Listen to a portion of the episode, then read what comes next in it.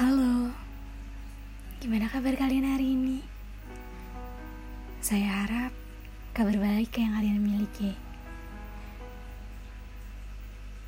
Hmm. Semoga nggak ada kecewa ya untuk hari ini atau hari berikutnya yang akan datang. Ya meski kita tahu itu semua nggak mungkin, tapi apa salahnya untuk kita berpikir positif dan terus berprasangka baik? Iya, saya tahu. Saya ataupun kalian, kita nggak menyukai itu. Kita nggak menyukai kecewa.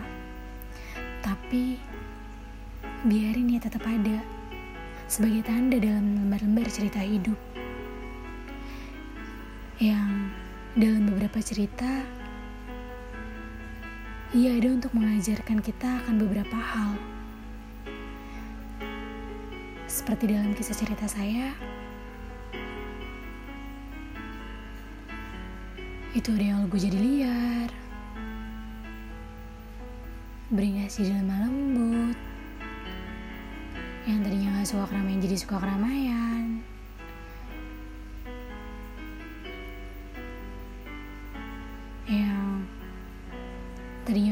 gak penting sekarang jadi penting. Atau mungkin sebaliknya. Orang yang penting sekarang malah jadi gak penting lagi. Kadang kecewa ada sebagai pancingan. Iya pancingan untuk perubahan diri untuk kita keluar dari zona nyaman. Karena adanya kecewa itu, kita terpaksa untuk keluar dari zona nyaman itu. Aduh. Iya. Udah cukup kecewanya. Toh, gak semua cerita itu kecewa. Itu cuma beberapa dari sekian kisah cerita-cerita baik yang kita harapkan.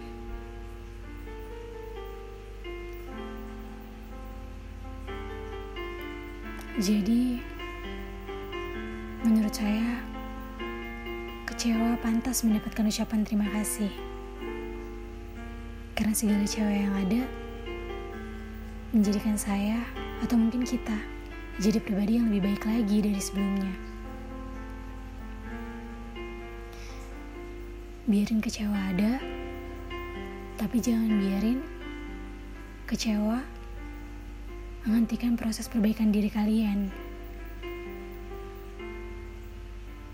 Terima kasih karena kalian telah mendengar podcast ini.